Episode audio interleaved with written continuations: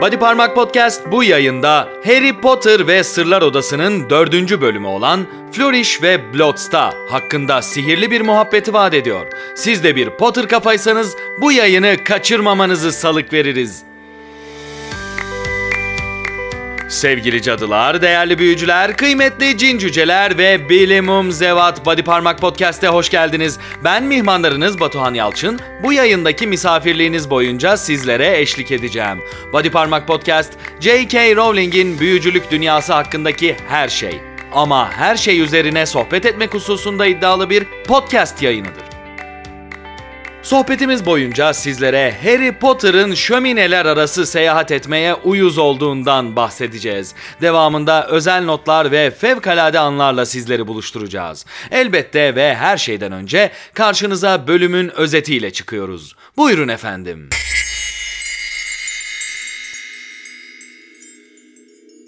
Harry Potter ve Sırlar Odası 4. Bölüm Flourish ve Bloodstar Harry ve Weasley'ler yıllık Hogwarts ihtiyaçlarının alışverişi için uçuç tozuyla Diagon yoluna gideceklerdir. Harry yanlışlıkla Nocturne yoluna gider. Orada Malfoy'larla karşılaşır ve Hagrid sayesinde bu sokaktan kurtulur. Diagon yolunda gittiği kitapçıda yeni öğretmeni Gilderoy Lockhart'la tanışır ve Arthur Weasley ile Lucius Malfoy'un kavgasına tanık olur. Sırlar Odası'nın dördüncü bölümü Harry Potter serisinin kocaman bir büyücülük dünyası olarak anılmasını sağlayan katman katman bölümlerden biri. İnsan gündelikte yaşar.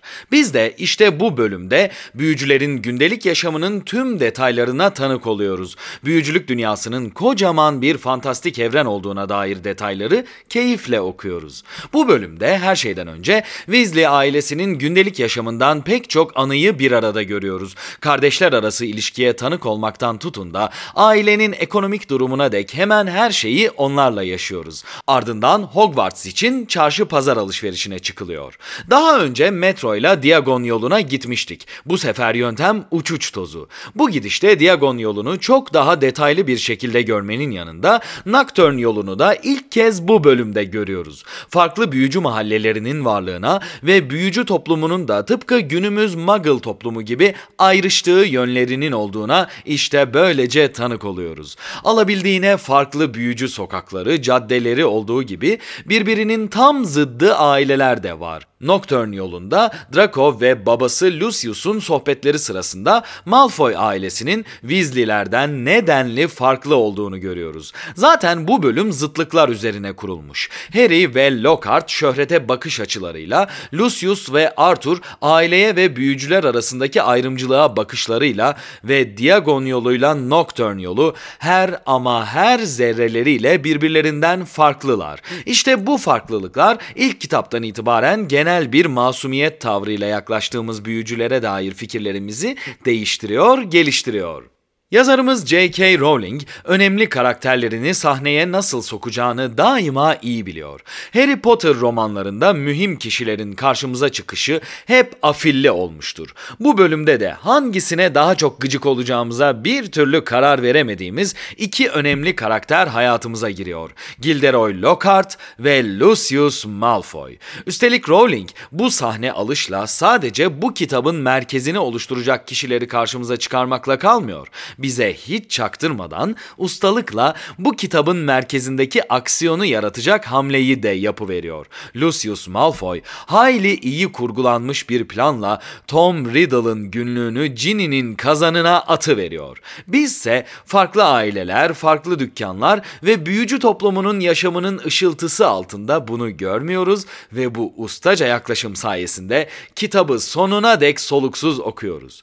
Tüm bu sihirli dünya şöleninin yanında duygusal olarak da bu bölümü okumak çok keyifli. Çünkü hatırladığı en eski günlerden itibaren hiç ailesiyle alışverişe çıkmayan, daha öncesinde evinde kalacağı bir tek arkadaşı bile olmayan ve hepimizde nostalji yaratan şu arkadaşlarla sokakta oynama ritüelini hiç tatmayan Harry Potter bu bölümde bunların hepsini tadıyor.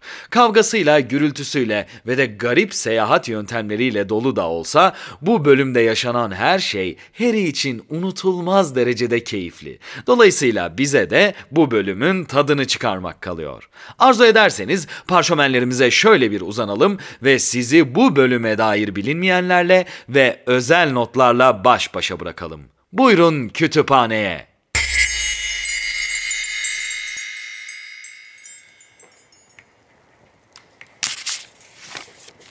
Kovuk'ta hayat Privet Drive'dakinden olabildiğince farklıydı. Dursley'ler her şeyin temiz, tertipli olmasını isterdi. Weasley'lerin evi ise ağzına kadar tuhaf ve beklenmedik şeylerle doluydu.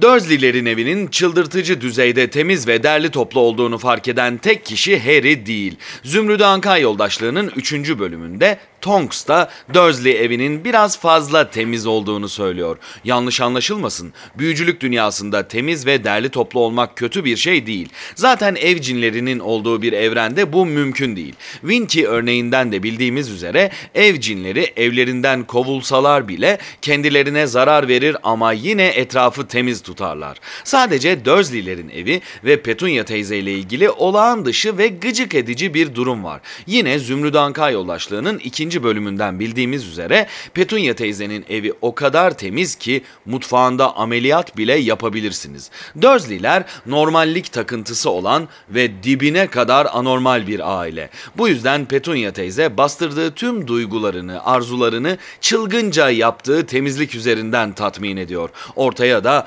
anormal derecede normal bir ev çıkıyor. Yani ne diyelim her şeyin aşırısı zarar. Harry mutfak şöminesinin üstündeki aynaya ilk kez bakıp da ayna ona Gömleğini içine sok pasaklı. diye bağırdığında şok geçirdi. Harry'nin ona çemkiren bir aynayla ilk imtihanı bu olsa da kesinlikle sonuncusu değil. Bir yaz sonra çatlak kazanda yine Harry'i bir aynadan azar işitirken göreceğiz. Aynalar ve taraklar Harry'i pek sevmiyor. Fred ve George'un yatak odasından gelen küçük patlamalarsa tamamen normal sayılıyordu. Burada Fred ve George'un küçük yaşta büyücülüğün kısıtlanması beyannamesini ihlal ettiğine yemin edebiliriz ama bunu kanıtlayamayız. Düşünün bir kere. Kovuk her şeyiyle sihir dolu bir ev. Üstelik Weasley ikizleri kendi büyücü şakalarını tasarlamakla meşguller. Büyülü nesneleri çarpıştırarak kimi patlamalar elde ediyorlar da asa kullanmıyorlar yani öyle mi? Arthur ve Molly çocuklarını yasa dışı bir şey yapmaktan alıkoymaya çalışsalar da bu biraz mümkünsüz. En azından çaktırmadan anne ve babalarının asalarını mutlaka kullanıyorlardır. Nitekim dördüncü kitapta Molly ikizlerin kendi ürünlerini satmaya çalıştığını öğrendiğinde küplere biniyor. Demek ki onların neler karıştırdığından o kadar da haberdar değil. Harry bir telefon vasıtasıyla onunla konuşurken büyüleyici derdi. Telefon kullanma becerisine sahip tek Weasley üyesi burada bahsedildiği gibi Arthur değil. Sadece bir yaz sonra Ron'un da telefon, pardon Ron'un deyişiyle Feleton aracılığıyla Vernon enişteyle konuştuğunu biliyoruz. Ayrıca bir keresinde King's Cross'a gitmek için taksi çağırmak üzere Molly bile postaneden taksi durağına telefon açıyor. Yani telefon kullanmak Weasley ailesinin tamamına yayılmış özel bir beceri. Okuldan mektuplar, dedi Mr. Weasley. Harry ve Ron'a sarımsı parşömenden adresleri yeşil mürekkeple yazılmış birbirinin eşi zarflar uzatarak. Tam bu noktada 11 Ağustos günündeyiz yani mektuplar o gün geliyor. Ancak galiba Percy'nin mektubu daha önce gelmiş. Çünkü Percy'nin sınıf başkanı rozetini evin içinde takmaya başladığından haberdarız. Öyleyse aynı aile içinde bile mektuplar farklı tarihlerde gelebiliyor. Ha 11 Ağustos tarihiyle ilgili bir başka notumuz da şu ki 11 Ağustos Ginny'nin doğum günü. Her ne kadar burada yazmasa da bunu Rowling'in web sitesinden biliyoruz. Demek ki onun mektubu da doğum gününde gelmiş. İkinci yıl öğrencilerine şu kitaplar gerekli olacaktır. İkinci sınıflar için Temel Büyüler kitabı. Miranda Goshawk. Bu kitap, daha doğrusu bu kitap serisi aynı yazar tarafından tüm Hogwarts sınıfları için ayrı ayrı yazılmış şekilde literatürde bulunuyor. Ancak Miranda Goshawk'la ilgili özel bir durum var. Pottermore'dan bildiğimize göre Miranda Goshawk 1921 doğumlu ve halen hayatta. Ancak The Book of Spells adlı PlayStation oyununa göre bu kitapların yazarı olan Miranda Goshawk yüzyıllar önce yaşamış biri. Bu karmaşayı detaylıca araştırdığımızda karşımıza şu çıkıyor. Bu kitapların ilk yazarı olan büyük büyük büyük büyük büyük anne Miranda yüzyıllar önce yaşamış ve kendi döneminin büyücü çocukları için bu kitapları yazmış. 1921 doğumlu Miranda ise o büyük büyük büyük büyük annenin torunu ve aynı kitapların güncel versiyonlarını günümüz büyücü çocukları için yazmaya, güncellemeye devam ediyor. Büyük anneden toruna Miranda Goshawk'lar yaşamlarını büyücü çocuklarının eğitimine adamışlar yani. Kendi listesini okumayı bitirmiş olan Fred, Harry'ninkine bir göz attı. Senden de Lockhart'ın bütün kitaplarını alman istenmiş, dedi. Bu gerçekten beklenmedik bir durum. Hogwarts'ta her sene büyücü çocukları sadece bir iki tane yeni kitap alırlar. Örneğin bitki bilim dersinin kitabı bir kere alınıyor ve 7 yıl kullanılıyor. Ancak maalesef bu sene Lockhart'ın kitaplarının hepsini birden almak gerekiyor. Bu da tabii Weasley ailesi için müthiş bir masraf demek. Harry, ''Aa'' dedi Ginny'e. ''Bu yıl Hogwarts'a başlıyor musun?'' Zavallı Ginny. O Harry'e çılgınca tutkunken Harry onun okula başlayıp başlamadığından bile bir haber. Elbette Ginny evde pek çok kez okula başlayacağından söz ediyordur. Ancak Harry'nin yanında sesi çıkmadığından ve biz hemen her şeyi Harry'nin gözünden gördüğümüz için bundan haberimiz yok gibi. Ah sevgili Ginny. Ve önümüzdeki çarşamba yeni kitaplarımı almak için Londra'ya gidiyoruz. Niye Diagon yolunda buluşmayalım? Demek ki Hermione'nin bu mektubuna dek Weasley ailesinin ve Harry'nin çarşamba günü Diagon yoluna gitmek gibi bir planı yok. Bu bize muhteşem bir bilgi vermiş oluyor. Bir şekilde Tom Riddle'ın günlüğünü Weasley ailesinin başına bela etmek isteyen Lucius Malfoy bu mektuba kadar bunun nasıl yapacağını bilmiyor. Ancak bu mektuptan sonra bahsi geçen çarşamba günü geldiğinde planını uyguluyor ve işte bu bölümde günlüğü Ginny'nin kazanına atıyor. Yani Malfoy Weasley'leri gözetliyor. Nasıl mı? Elbette Dobby aracılığıyla. Evcini Dobby hala Harry'nin peşinde ve tam bu sırada çoktan mektubu okumuş durumda. Ron'un eski kuyruklu yıldızı ise oralarda uçan kelebekler tarafından bile geçiliyordu. Çağlar boyu Quidditch'ten öğrendiğimize göre Ron'un kullandığı süpürge olan kuyruklu yıldız 1955 yılında kurulan Evrensel Süpürgeler Limited şirketi adlı şirket tarafından üretilen bir süpürge. Her ne kadar hayli düşük kalite bir süpürge olsa da kuyruklu yıldız elbette üretildiği dönemde bir kelebekten daha yavaş bir süpürge değil. Ancak her süpürge ona yapılan büyü ve malzemesi gereği zamanla eskiyor, yavaşlıyor, dengesi bozuluyor ve manevra kabiliyeti azalıyor. Hatta aynı eskime mantığı bir tanesi hariç diğer görünmezlik pelerinlerinde de var. Ron'un süpürgesinin de en az 14 yıllık olduğunu düşünürsek bir kelebekten daha yavaş olması son derece mantıklı. 5 dakika sonra süpürgeler omuzlarında tepeyi tırmanıyorlardı. Percy'ye onlara katılmak ister mi diye sormuşlar ama o çok işi olduğunu söylemişti.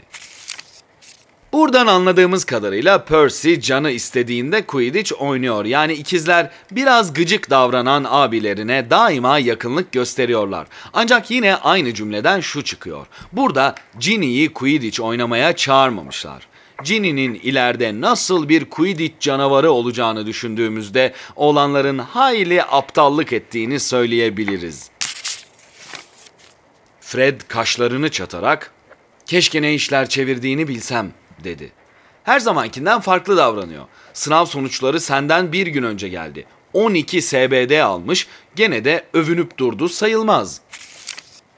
Her ne kadar 12 SBD almak muhteşem bir başarı olsa ve öğrenci başkanı olmaya çalışmak stresli bir yolculuk olsa da Percy'nin bundan çok daha büyük bir yükü var. Percy aşık. Ve o nedenle böyle garip davranıyor. Yani Weasley çocuklarından sadece biri değil, ikisi birden bir aşk yazı geçiriyorlar. Ginny Harry'e çılgınca aşıkken Percy de bu kitabın 18. bölümde hem de Ginny'nin ağzından öğrendiğimiz kadarıyla Penelope Clearwater adlı kıza tutkuyla bağlı. Bu yazki tüm garip davranışları işte bu yüzden.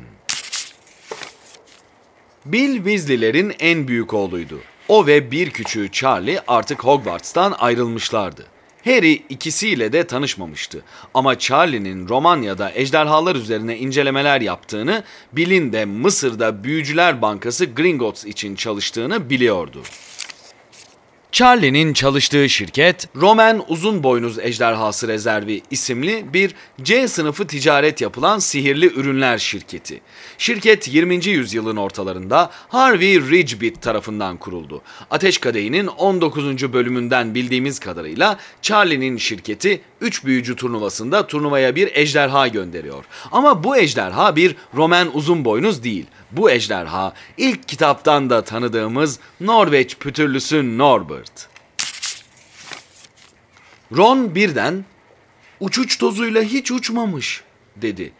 Kusura bakma Harry unuttum.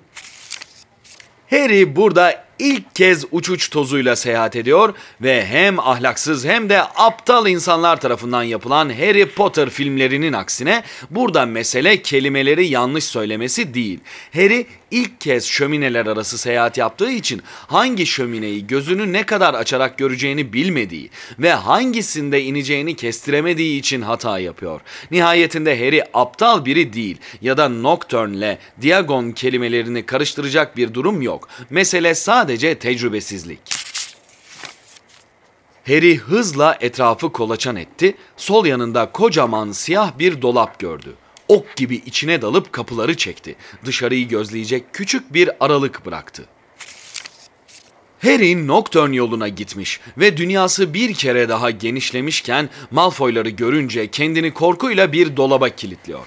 İronik. Ancak Harry'nin bilmediği ve bizim bildiğimiz şey şu ki kendini kilitlediği bu dolap 6. senesinde Draco'nun gizlice okula soktuğu Kaybolan Dolap adlı dolap. Harry tam bu anda yıllar sonra yaşayacağı en büyük acılardan birine aracılık edecek bu dolabın içinde duruyor. Hayat gerçekten acımasız. Mr. Malfoy oğlunu susturmak isteyen bir bakış attı. Bana bunu on kereden fazla söyledin. Seni uyarıyorum. Harry Potter'dan hoşlanmıyor görünmek hiç de tedbirli bir davranış değil. Hele bizim cinsimizin çoğu ona karanlık lordun yok olmasını sağlayan kahraman gözüyle bakarken. Burada Lucius Draco'yu azarlıyor gibi görünse de oğlunun kompleksini dindirmek için kısa süre sonra tüm Slytherin takımına bir sürü Nimbus 2001 hediye edecek. Ancak Lucius Malfoy'un riyakarlığı bununla da kalmıyor. Draco'ya Harry ile iyi geçinmesi gerektiğini söylemesinin nedeni bahsettiği kadar masum değil. Büyücü toplumunun çok büyük bir kısmı Voldemort'u etkisiz hale getirdiği için Harry'nin Voldemort'tan daha büyük bir karanlık büyücü olacağına dair bir beklentiye sahip. Yani güce tapan kişiliksiz insan tiplemesinin yeryüzündeki sureti olan Lucius Malfoy burada gelecekte Harry'e tabi olmak gerekirse diye şimdiden pozisyon alıyor. Acı, sert ama gerçek. Bazı insanlar gerçekten çok ama çok kötüler. Bunu alabilir miyim? diye araya girdi Draco. Yastıktaki kurumuş eli gösteriyordu. Aa, şanlı el dedi Mr. Borgin. Şanlı el ilk kez burada karşımıza çıkıyor ama bu onu son görüşümüz olmayacak. Yıllar sonra Draco tutup da Dumbledore'a kurduğu komployu gerçekleştirirken şanlı eli ve Peru anında karanlık tozunu kullanarak hedefine varmaya çalışacak. Şanlı el tüm seri açısından müthiş bir öneme sahip. Ancak şanlı el Rowling'in özgün bir icadı değil. İlk kez 1400'lü yılların masallarında hakkında bir şeyler duyduğumuz bu nesne daha sonra 1707 yılında şanlı Şanlı El adını almış ve ölü bir hırsızın elinin bir çeşit kandile dönüştürülmüş şekliyle karşımızda arzı endam ediyor. Gerçekten enteresan bir nesne. Madem öyle, belki de listeme dönebiliriz. Diye lafı kısa kestim Mr. Malfoy. Hayli acelem var Borgin. Bugün başka yerde önemli işler beni bekliyor. Rowling bir gizleme ustası. Bunu daha önce de size söyledik. Okurken insanın gözünden kaçıyor ve önemsizmiş gibi görünüyor ama Lucius'un şu önemli işi Tom Riddle'ın günlüğünü Ginny'nin kazanına koymak. Draco uzun bir cellat ipi kangalını incelemek için durdu ve görkemli bir opal kolyeye iliştirilmiş kartı aptal aptal sırıtarak okudu. Dikkat, dokunmayın, lanetlidir. Bugüne kadar sahibi olmuş 19 muggle'ın canını aldı. Bu opal kolye de 6. kitapta Draco'nun Dumbledore'u öldürmek için kullandığı nesnelerden. Draco bu alışveriş gününden çok şey öğrenmiş görünüyor. Kırık gözlüğünü yüzüne yapıştırarak etrafa bakındı. Tamamen karanlık sanatlara adanmış dükkandan oluşuyormuş gibi görünen kasvetli dar bir sokağa çıkmıştı. Az önce çıktığı dükkan Borgin ve Burks en büyükleri gibiydi. Burke isminin muhtemel iki kaynağı var. İlk olarak 1800'lerin ilk çeyreğinde yaşamış olan ünlü İskoç mezar kazıcısı William Burke bu dükkana ilk ilhamı vermiş olabilir. Ayrıca İngilizce argosunda Burke kelimesi sakıncalı anlamını taşıyan şapşal bir olağan şüpheli hissine işaret ediyor. Hatta Sirius Black Zümrüt Anka yoldaşlığının 29. bölümünde James ve kendisi hakkında bu kelimeyi de içeren bir tanımlama yapıyor. Zaten 6 kitapta Dumbledore'a kurulan komploya dair durumlar içinde bu dükkanı yeniden ziyaret edeceğiz. Hatta bu da yetmezmiş gibi Dumbledore'la Tom Riddle'ın anılarına seyahat ettiğimiz bölümlerde de bu dükkana yeniden geliyor ve dükkanın diğer ortağı olan Caractacus Burke'le tanışıyoruz bile. Bu dükkan bu bölümde olduğundan çok daha büyük bir öneme sahip. Zehirli mumlar satan bir dükkanın üzerindeki eski tahta sokak tabelası ona Nocturne yolunda olduğunu söylüyordu. Tıpkı daha önce Body Parmak Podcast'te bahsettiğimiz üzere Diagon yolunda yapılan kelime oyununda olduğu gibi bu caddenin ismi de özel bir kelime oyununu içeriyor. Nocturnally kelimesi geceliğin, gece olan anlamını taşıyor ve böylece bu caddenin Nocturne Alley caddesinin karanlık sanatlara dair bir şeyler içeren bir yer olduğu anlamı böylece pekişiyor. Mr. Weasley Harry'nin gözlüğünü aldı, asasıyla bir dokundu ve yepyeni halde geri verdi. Burada Arthur'dan sözsüz büyü kullanımı aracılığıyla gördüğümüz bu büyü Repero büyüsü. Tabi gerçekten aptal ve zavallı insanlar tarafından yapılan Harry Potter filmlerinde bu büyüyü daha okula gitmeden trende Hermione'nin yaptığını görüyoruz. Ki böyle bir şey yapılsaydı aslında okuldan atılması gerekirdi. Ama böyle önemli bir edebi eseri tutup da Hollywood'a verirseniz böyle olur işte. Mr. Weasley sevinçle ama siz muggle'sınız dedi. Beraber bir içki içmeliyiz. Aslında Weasley ailesinin ekonomik durumunu düşünecek olursak şu Granger'larla bir içki içme meselesi biraz sorumsuzca bir davranış. Nitekim Molly buna bir şekilde engel oluyor. Harry Weasley'lerin mahzenine kadar olan kelle koltukta yolculuktan pek keyiflendi. Ama mahzen açılınca kendinin Nocturne yolunda olduğundan da kötü hissetti. İçeride küçücük bir gümüş sickle yığını ve sadece bir altın galeon vardı. Gringos'taki kasada gördüğümüz bu manzarayı Muggle parasına çevirecek olursak buradaki para aşağı yukarı 20 dolar kadar bir paraya tekabül ediyor. Yani cidden Weasley'lerin durumu fena. Hatta aslında bu bölümde yaptıkları alışverişi bile karşılayamayacak kadar az bir para bu. Ancak görünen o ki Molly pek çok anne gibi kıyıya köşeye biraz daha para atmış da o sayede alışverişi hallediyorlar. Flourish ve Blots bu dükkanın ismi bile doğrudan yazarlık ve yazmakla ilgili. Flourish kelimesi el yazısı ve kaligrafiye dair bir güzelleştirmeye referans veriyor. Blots kelimesi ise tüy kalemle yazı yazılırken tüydeki fazla mürekkebi temizlemek için kullanılan kurutma kağıdına yapılan bir atıf. Yani bu dükkan yazı ve yazmak eylemine adanmış muhteşem bir yer. Harry'nin cebindeki kesede neşeyle şangırdayan altın, gümüş ve bronzlar ille de harcanmak istiyordu. O da çilekli ve fıstıklı üç tane kocaman dondurma aldı. Sevinçle yalıya yalıya dolaşmaya koyuldular. Harry'nin burada sipariş ettiği çilekli ve fıstık ezmeli dondurması elbette Floran Fortescue'nun dondurma dükkanından alınma. Üçüncü kitapta bu mekana tekrar uğrayacağız. Derken Hermione onları mürekkep ve parşömen kağıdı almak üzere bitişiğe sürükledi. Her ne kadar kitapta adı geçmese de bu harika dükkanın adı Scrivenshafts. Gamble ve Japes büyücülük şakaları mağazasında Fred, George ve Lee Jordan'la karşılaştılar. Tıpkı Flourish ve Blots'ta olduğu gibi bu dükkanın isminde de göndermeler var. Gamble kelimesi etrafta eğlenceyle hoplayıp zıplamak anlamını taşıyor ve Japes kelimesi muzip bir şaka anlamına gelen joke kelimesinin bir başka versiyonu. Kısa boylu, öfkesi burnunda bir adam dans edercesine koşturup her kör edici çakışıyla birlikte mor dumanlar çıkaran büyük, siyah bir fotoğraf makinesiyle fotoğraf çekiyordu.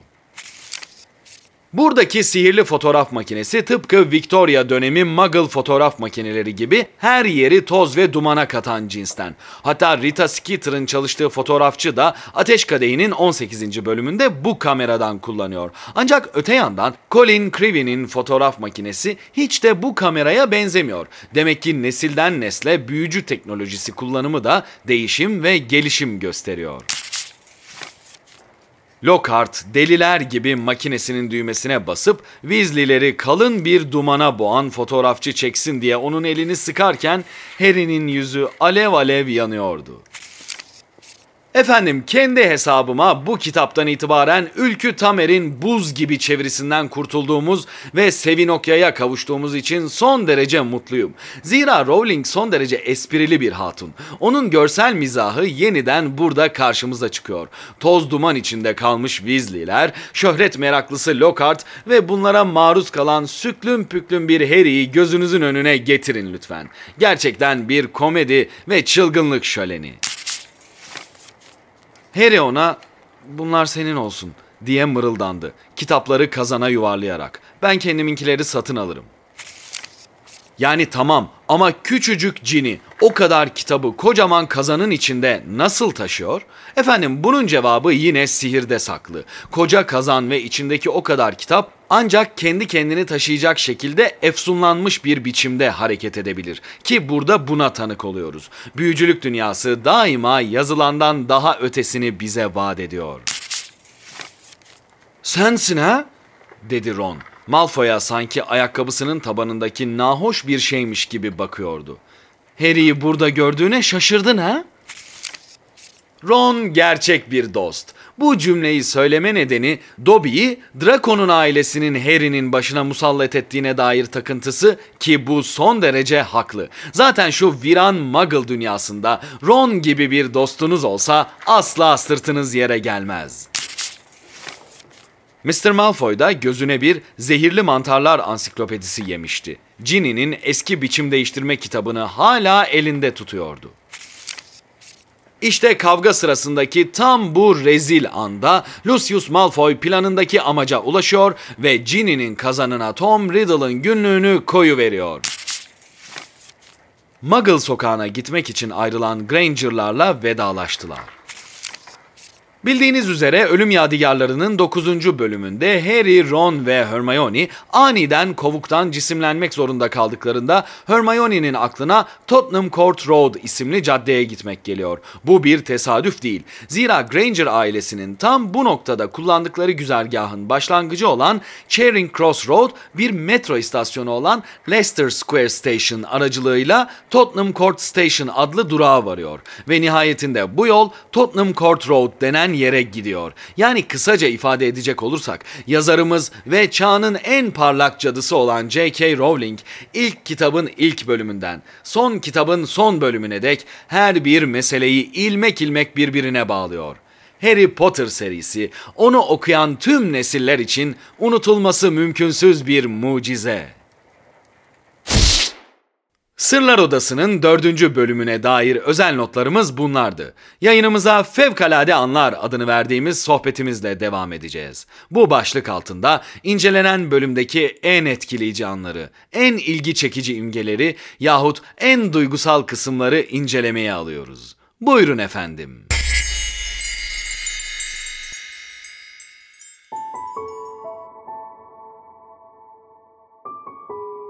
Sizlerle Sırlar Odası'nın dördüncü bölümüne dair paylaşacağımız ilk fevkalade an, onca harika şeyin yaşandığı bu bölümdeki en fevkalade an. Bu bölümde Harry Potter daha önce büyücülük dünyasına dair görmediği pek çok şeyi bir arada görüyor ve biz onun tüm şaşkınlığı içinde en fazla şuna duygulanıyoruz. Harry büyücülük dünyası içindeyken ne olursa olsun kendini seviliyor gibi hissediyor. Yıllarca bu histen uzak yaşamış bir çocuk olarak Harry'nin ait olduğu dünya tam da büyücülük dünyası. Aslında bu pek çoğumuz için böyle. İşte karşınızda ilk fevkalade an. Kovukta hayat, Private Drive'dakinden olabildiğince farklıydı. Dursley'ler her şeyin temiz, tertipli olmasını isterdi. Weasley'lerin evi ise ağzına kadar tuhaf ve beklenmedik şeylerle doluydu. Harry, mutfak şöminesinin üstündeki aynaya ilk kez bakıp da ayna ona Gömleğini içine sok, pasaklı. diye bağırdığında şok geçirdi. Tavan arasındaki gulyabani etrafı fazla sessiz bulunca uluyor ve boruları düşürüyordu. Fred ve George'un yatak odasından gelen küçük patlamalarsa tamamen normal sayılıyordu. Ancak Harry'nin Ron'ların evindeki hayata ilişkin olarak en sıra dışı bulduğu şey konuşan ayna ya da şıngırdayan gulyabani değildi. Oradaki herkesin onu seviyor görünmesiydi. Bu bölümde pek çok mahcubiyet yahut utanç anı görüyoruz. İnsanların bir hicap duygusunu içinde barındırdıkları ya da barındırmadıkları anlar, onların ne kadar vicdanlı ya da vicdansız kimseler olduğuna dair bize önemli bir gösterge vermiş oluyor. İşte sizinle paylaşacağımız bu ikinci fevkalade anda sevgili Harry, Gringotts'ta Weasley'lerin kasasını gördüğü anda büyük bir mahcubiyet duyuyor. Sanki elinden gelse onlar için her şeyi yapabilecek, tüm servetini onlara verebilecek olan Harry, burada ne diyeceğini bilemiyor ve fevkalade bir an yeniden gözlerimizin önünde beliriyor. Weasley'ler ve Harry başka bir Gringotts cin cücesi tarafından yer altındaki mahzenlere götürülürken Ron Hermione'ye "Burada buluşuruz." dedi. Mahzenlere cin cücelerin sürdüğü ve bankanın altındaki tüneller boyunca uzanan minyatür raylarda hızlı hızlı giden arabalarla ulaşılıyordu. Harry, Weasley'lerin mahzenine kadar olan kelle koltukta yolculuktan pek keyiflendi. Ama mahzen açılınca kendini Nocturne yolunda olduğundan da kötü hissetti. İçeride küçücük bir gümüş sickle yığını ve sadece bir altın galeon vardı. Mrs. Weasley önce köşe bucakta kalan olmasın diye yokladı, sonra da hepsini çantasına süpürdü. Harry mahzenine vardığında kendini daha da kötü hissetti. Avuç dolusu madeni parayı çantasına doldururken içeridekileri gözden saklamaya çalıştı.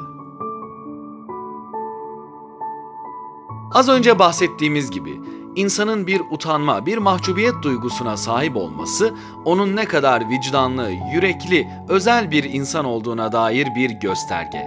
Galiba insanoğlu dediğimiz varlık bir yandan genetik olarak da kimi utanç miraslarını olumlu ya da olumsuz anlamda kanında taşıyor. Nihayetinde bu bölümde Lucius Malfoy'un utanmazca komplo kurduğunu ve Arthur Weasley'e ve onun ailesine saldırdığını görüyoruz. Ve bu utanç mirası aynı şekilde Draco Malfoy'a da işlemiş görünüyor ki yıllar sonra Draco Dumbledore'a saldıracak kadar kendini zor bir durumun içinde buluyor.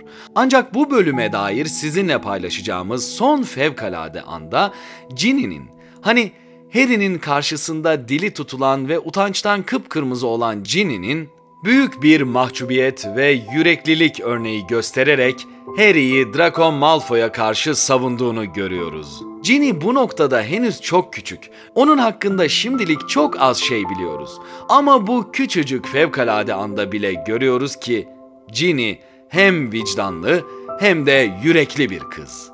İşte bu bölüme dair son fevkalade an karşınızda. Kalabalık bağırdı ve alkışladı. Harry'e de Gilderoy Lockhart'ın bütün eserleri sunuldu. Ağırlıkları altında birazcık sendeleyerek sahne ışıklarından kurtulup odanın kenarına varmayı başardı. Ginny orada yeni kazanının yanında duruyordu. Harry ona "Bunlar senin olsun." diye mırıldandı. Kitapları kazana yuvarlayarak. "Ben kendiminkileri alırım." Harry'nin tanımakta hiç güçlük çekmediği bir ses, ''Bahse girerim ki buna bayıldın değil mi Potter?'' diye sordu. Doğruldu ve kendini yüzünde her zamanki alaycı gülüşü taşıyan Draco Malfoy'la yüz yüze buldu. ''Meşhur Harry Potter'' dedi Malfoy. Birinci sayfaya geçmeden bir kitapçıya bile giremiyor. Ginny, ''Onu rahat bırak'' dedi. ''Bütün bunları istemedi ki.'' Harry'nin önünde ilk defa konuşmuştu. Malfoy'a ters ters baktı. Potter, bir kız arkadaşın olmuş, dedi Malfoy ağzını yaya yaya. Ron ve Hermione her ikisi de Lockhart kitapları yığınlarını sıkı sıkıya tutmuş halde boğuşa boğuşa yanlarına gelirken Ginny kıpkırmızı kesildi.